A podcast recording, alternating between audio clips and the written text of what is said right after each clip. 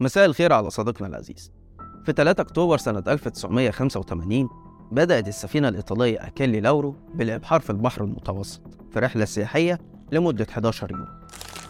تبدأ من مدينة جنوة الإيطالية ثم نابولي ثم صقلية ومنها للإسكندرية وبورسعيد في مصر ثم أشدود في دولة الاحتلال ومنها لقبرص عشان تختم رحلتها في مدينة إسطنبول التركية قبل ما ترجع تاني لميناء جنوة الإيطالي السفينة اللي كان على متنها 748 راكب كان بينهم أربع مسلحين من جبهة التحرير الفلسطينية واللي طلعوا الرحلة دي بجوازات سفر مزورة بهدف القيام بعملية بعد ما قدروا يهربوا أسلحتهم داخل السفينة. وكانت خطتهم إن لما السفينة توصل ميناء أشدود يقوم الفدائيين بفتح النار على الجنود الإسرائيليين الموجودين في الميناء. وبعدها ياخدوا رهاين من السفينة ويأمروا القبطان إنه يتوجه لأي ميناء عربي ويسلموا نفسهم هناك. لكن بعد ما الرحلة اتحركت من إيطاليا لفت الفدائيين الأنظار ليهم بتصرفاتهم الغريبة بسبب عدم اندماجهم مع السياح في الرحلة. وبعد ما السفينة وصلت الإسكندرية تم اكتشاف الفدائيين الفلسطينيين من قبل أطقم وعمال السفينة اللي شافوهم وهم بينظفوا أسلحتهم. الفدائيين هنا قرروا غيروا خطتهم لخطف السفينة وبالفعل سيطروا عليها بعد ما قالوا للقبطان إنهم 20 واحد وإنهم لغموا السفينة بالكامل وأمروه إنه يتوجه من بورسعيد لميناء طرطوس في سوريا. وهناك طلبوا من السلطات السورية الاتصال بالصليب الأحمر وتل أبيب وطلبوا إطلاق سراح 50 أسير فلسطيني من سجون الاحتلال. ولما السلطات السورية رفضت قتلوا أحد الأسرى اللي كان إسرائيلي عشان يثبتوا جديتهم. لكن سوريا صممت على موقفها وأمرتهم بالمغادرة. بعد فشل مفاوضاتهم مع الجانب السوري توجه الخاطفين بالسفينة لميناء بورسعيد بناء على تعليمات مخطط العملية محمد أبو العباس القيادي في جبهة التحرير الفلسطينية اللي وجهها لهم عبر إذاعة مونte كارلو الدولية. وصلت السفينة لميناء بورسعيد وفجأة لقوا قائد العملية أبو العباس في انتظارهم على متن قارب مصر. ووافقوا إنهم يسلموا نفسهم للسلطات المصرية لكن بشرط التعهد بالخروج الآمن وتسليمهم لمنظمة التحرير الفلسطينية في تونس.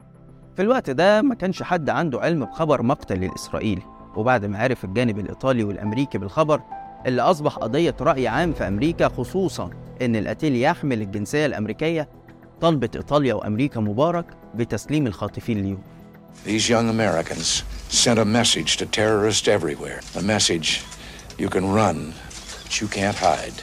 مبارك بقى كان بين نارين يا إما يسلم الفدائيين لمنظمة التحرير في تونس ويغضب أمريكا وإيطاليا يا إما يسلمهم لإيطاليا ويغضب ساعتها الرأي العام المصري والعربي كله نظام مبارك كان لسه بيعمل حساب وبيخاف من الغضب الشعبي وقرر تسليم الفدائيين للجانب الفلسطيني ولما سألوا الجانب الغربي قال لهم أنا سلمتهم خلاص تعال دور كده مش هتلاقي حاجة لكن طبعا دي ما كانتش الحقيقة وكان مبارك بيحاول يتخلص من الضغوطات الغربية اللي عليه They left the country. I don't know where did they go. Are they in Tunisia? In Tunisia, maybe in Tunisia. السلطات المصرية قامت بالتنسيق مع الجانب التونسي بسرية تامة عشان ينقلوا الفدائيين بأمان خوفا من رصد تحركهم من الجانب الأمريكي وبمجرد خروج الطائرة من الأجواء المصرية فوجئ قائد الطائرة المصرية بأربع مقاتلات أمريكية بتعترض فوق البحر المتوسط وبتأمره يتوجه لقاعدة جوية تابعة للناتو في صقلية وبعد ما هبطت الطيارة حصل خلاف بين الجانبين الأمريكي والإيطالي.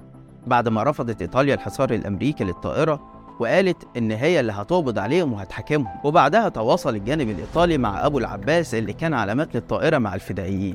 وتم التفاوض على تسليم الخاطفين نفسهم للحكومة الإيطالية مع وعد بمحاكمة عادلة وتهريب أبو العباس وأبو العز قائد العملية من إيطاليا. وبالفعل اتحكم على الفدائيين بأحكام تتراوح بين 15 و 30 سنة. وبعدها بفترة تم الإفراج المشروط عنهم وخروج أبو العباس وأبو العز منفذ العملية من إيطاليا باسم مستعار. والرئيس العراقي صدام حسين ادى لابو العباس بعدها حق اللجوء وبعدها بفترة أعلنت منظمة التحرير توصلها لاتفاقية مالية مع أسرة القتيل الإسرائيلي. الملفت هنا بقى يا صديقي العزيز هو إزاي أمريكا عرفت ميعاد الطيارة المصرية رغم إنه كان سري جدا وما كانش حد يعرفه غير القيادات العليا بين مصر وتونس؟ الكاتب الأمريكي بوب وودورد بيقول في كتابه الحروب السرية لوكالة الاستخبارات المركزية إن المخابرات الأمريكية في علاقتها مع مصر زودت مبارك بنظام اتصالات آمن ومشفر كان بيستخدمه في اتصالاته السرية.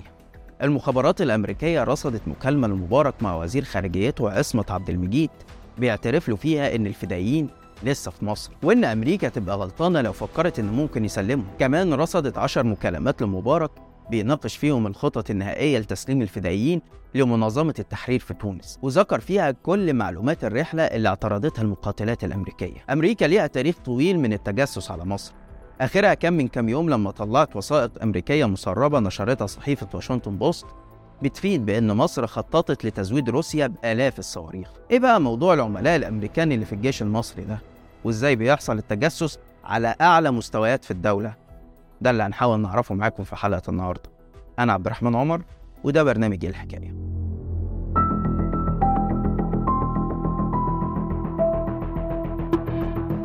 طب ادونا الطيارات بس اللي أنتوا موقفينها الأباتشي والإف Give us the Apaches and F-16s that you have been suspending for over a, a year and a half now. أهلا بيكم. صحيفة واشنطن بوست الأمريكية نشرت وثيقة مسربة للبنتاجون بتتهم فيها السيسي اللي وصفته بأنه أحد أقرب حلفاء أمريكا في الشرق الأوسط والمستفيد الرئيسي من المساعدات الأمريكية بإنتاج 40 ألف صاروخ وشحنها سرا إلى روسيا اللي بتخوض حرب ضد أوكرانيا بقالها أكتر من سنة. الوثيقة المسربة قالت في التفاصيل إن السيسي أصدر يوم 1 فبراير تعليمات لشخص اسمه صلاح الدين واللي هو على الأرجح محمد صلاح الدين وزير الإنتاج الحربي. بأنه يقول لعمال المصنع إن الصواريخ اللي بينتجوها دي موجهة للجيش المصري لتجنب المشكلات مع الغرب. النظام المصري طبعا من جانبه سرع بنفي التسريبات دي. والمتحدث باسم الخارجية المصرية قال لصحيفة الواشنطن بوست نفسها إن مصر ملهاش دعوة بالحرب دي وإنها واقفة على خط متساوي بين الطرفين. الملفت هنا في التسريبات إن مصر مش بتصدر الصواريخ دي عشان خاطر موقف معين اتخذته بناء على قرار سياسي أو مصلحة عليا أو حتى بتزود دخلها وبتصدر أسلحة زي الدول المنتجة. لا رد الجميل لروسيا زي ما التسريب نقل عن صلاح الدين واللي ما قالش إيه هو الجميل وهل روسيا ماسكة على مصر حاجة ولا لأ؟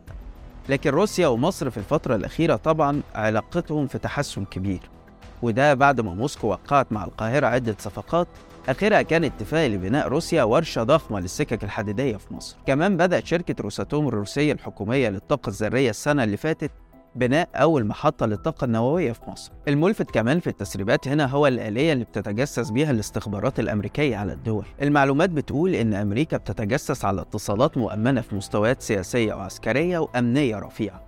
كمان في وثائق استندت إلى مصادر بشرية، يعني عملاء في أجهزة رفيعة جدا بعضهم كمان يحمل رتب عسكرية وأمنية من المفترض إنها تعبر عن شرف الوطن والدفاع عن أمنه ضد العملاء. يعني تخيل كده اللي المفروض يحميك هو نفسه اللي بيتجسس عليه. رغم النفي المصري الرسمي اللي أكد عدم صحة تسريبات البنتاجون لكن الإعلام في بداية التسريبات قبل ما تجيب سيرة مصر طبعا كان عنده رأي تاني. بعد ما أكد أهمية التسريبات دي والمعلومات الخطيرة اللي بتكشفها وفضل يتكلم عن فضيحة البنتاجون والمخابرات الأمريكية لكن طبعا الطلعة دي ردت في صدره وقتلته. الإدارة الأمريكية أو ذاكرة البنتاجون اللي هو وزارة الدفاع الذاكرة بتاعتهم النهاردة أصبحت مخرومة. فيها إيه؟ مخرومة. خرمت. خلينا متفقين هنا صديقي العزيز إن دي مش أول مرة يتم التسريب فيها للسيسي اللي من ساعة ما كان وزير دفاع وهو بيتسرب وده اللي أثر على علاقته الخارجية بدولة زي السعودية مثلا. بعد ما وصفهم في تسريب ليه مع عباس كامل مدير مكتبه قبل إعلان ترشحه للرئاسة واللي بيطلب فيه مساعدة دول الخليج اللي وصفهم بأشباه الدول وإن عندهم فلوس زي الرز. الملفت في التسريب ده بقى واللي هو بيعد الأشهر للسيسي إن في محللين قالوا إن اللي وراه هي المخابرات الأمريكية. وده يخلينا بقى نرجع لنفس دايرة الاختراق الأمريكي اللي بتستخدم التسجيل والتصنت تسريب كمان اتنشر على صحيفة الأخبار اللبنانية اللي بيقال إنها عندها مصادر داخل الجيش المصري يصف فيه السيسي ولي العهد السعودي محمد بن سلمان بالعيل. طبعا كلنا هنسأل على دور المخابرات في منع الاختراق الأمريكي وإنهم على الأقل يعرفوا مين اللي ورا التسريبات دي وجاية منين. هقول لك هنا إن المخابرات مش فاضية. بتنتج أفلام ومسلسلات بتنافس بيها السبكي وده بعد ما سيطرت على صناعة الأخبار والترفيه في السنين الأخيرة من خلال شركاتهم الخاصة زي المتحدة كده. ده غير إن دورهم مش بيقف عند الإنتاج لأ. ده السيسي نفسه بيختار الموضوعات والقضايا اللي هيناقشها المسلسل ومين هيمثل دوره ومين طويل ومين قصير. وده طبعا لخدمة وتثبيت نظامه في الدولة. وده كان واضح جدا من خلال المسلسلات زي سلسلة الاختيار وكلبش وغيرهم كتير. واللي أنتوا عملتوه وسجلتوه وطلعتوه للناس والله دي الحقيقة. الحقيقة. السيسي اللي جاي من خلفية مخابراتية استخدم نفس السلاح اللي اتكاوى بيه وهو سلاح التسريب. لكن مش اتجاه أمريكا ولا إسرائيل لا. اتجاه معارضين وده لما استخدم مسلسل الاختيار اللي أنتجته المخابرات زي ما قلنا في الجزء الثالث في إنه يسرب الأحاديث اللي كانت بتدور بين الرئيس مرسي وقيادات الإخوان مع المشير طنطاوي والمجلس العسكري في اللقاءات اللي كانت بتعقد بينهم في مقر المخابرات الحربية. صحيح إن التسريبات دي لم تدين مرسي ولا أي أحد من اللي ظهروا في التسريب وده لسببين اتنين. أولا إنها مجتزئة. وثانيا إنها ما طلعتهمش عملاء وخونة وباعوا طيران وصنافير مثلا. بل بالعكس أظهرت صورة مرسي وشخصيته مغايرة تماما عن اللي حاول المسلسل يظهرها طول الوقت إنه ضعيف الشخصية وجبان وبيخاف من خياله اللي حاصل هو المفروض ما يكونش موجود عشان تبقى دي بيني و... لا لا ما لا ما إنما لا هو يعني اصل ده يعني آه. مش ابني أنا عارف أنا. عارف أنا آه، عارف يعني- العلاقة دي إلى آه، أي مدى هي آه. إحنا عارفين الثقة وبعدين ده على فكرة يعني قربه من الله واخلاصه لله الحمد لله. الحمد لله. السيسي كمان يبدو كده إنه بيستخدم سياسة التسجيل بصفة عامة ضد الصديق قبل العدو. وده علشان يضمن ولائهم وعدم خروجهم عن مساره ولا حد يجيله في يوم من الأيام ويعلن ندمه ويعمل فيها وطني وشريف. هتقول لي إيه دليلك يا عم عبد الرحمن؟ هقول لك خالد يوسف اللي لما حب يخرج عن سياق النظام طلع له تسريب جنسي. المخرج خالد يوسف اللي هرب لفرنسا وقتها سبب التسريب اللي طلع له فجأة ده هو اعتراضه على تعديل الدستور سنة 2019 واللي هو بنفسه قال في بوست شهير إن موقفه المعارض من الدستور هيجيب له المشاكل ويوديه السجن. خالد يوسف سريعا فاق وفهم الدرس عشان يرجع سنة 2021 ويعلن عودته لمصر. ويظهر علينا السنة دي بمسلسل في رمضان بيهاجم طبعا الإخوان وهو مسلسل سر الباتة اللي بتنتجه المخابرات بإمكانيات ضخمة. في النهاية اللي عايز أقوله لك هنا يا صديقنا العزيز إن دور الحفاظ على سرية المعلومات الخاصة بأي دولة هي الوظيفة الأساسية لجهاز المخابرات واللي مثلا كان ليها دور واضح جدا في انتصار أكتوبر في التكتم على الأسرار العسكرية وكشف العملاء والخونة داخل الدولة بل وزارع عملاء ليها داخل أجهزة العدو. لكن لما الأجهزة يتم التسريب ليها أو كشف نوايا الدولة هي اللي المفروض تتحاسب عشان تركز في شغلها وتحافظ على أسرار الدولة العسكرية وتبطل بقى تنتج أفلام ومسلسلات أو يكون شغلها الشاغل هو مراقبه وتتبع المعارضين للنظام والصاق التهم بيهم بس كده. قبل ما ننهي الحلقة طبعا عايز أقول لكم إن دي هتكون آخر حلقة في رمضان. وإن شاء الله الجمعة اللي جاية هسيبكم تاخدوا إجازة بمناسبة عيد الفطر. أعاد الله علينا وعليكم بالخير واليمن والبركات. وإن شاء الله هنرجع لكم بعد العيد. كمان حابب أشكركم على تفاعلكم الكبير مع الحلقات سواء في المشاهدة أو تعليقاتكم اللي بتدعمني وتساعدني. وكمان بشكر المنتسبين على دعمهم للقناة. لحد هنا والحلقة خلصت. لو الحلقة عجبتك اعمل like و share واشترك في القناة عشان يوصلك كل جديد. وما تنساش انك تقدر تسمع البرنامج بتاعنا بودكاست من روابط اللي هتلاقيها في التعليقات وتابعنا على حساباتنا في الانستجرام والتيك توك. واستنانا كل يوم اثنين وجمعة الساعة 8 بالليل بتوقيت القاهرة في حلقة جديدة من برنامج إيه الحكاية. سلام.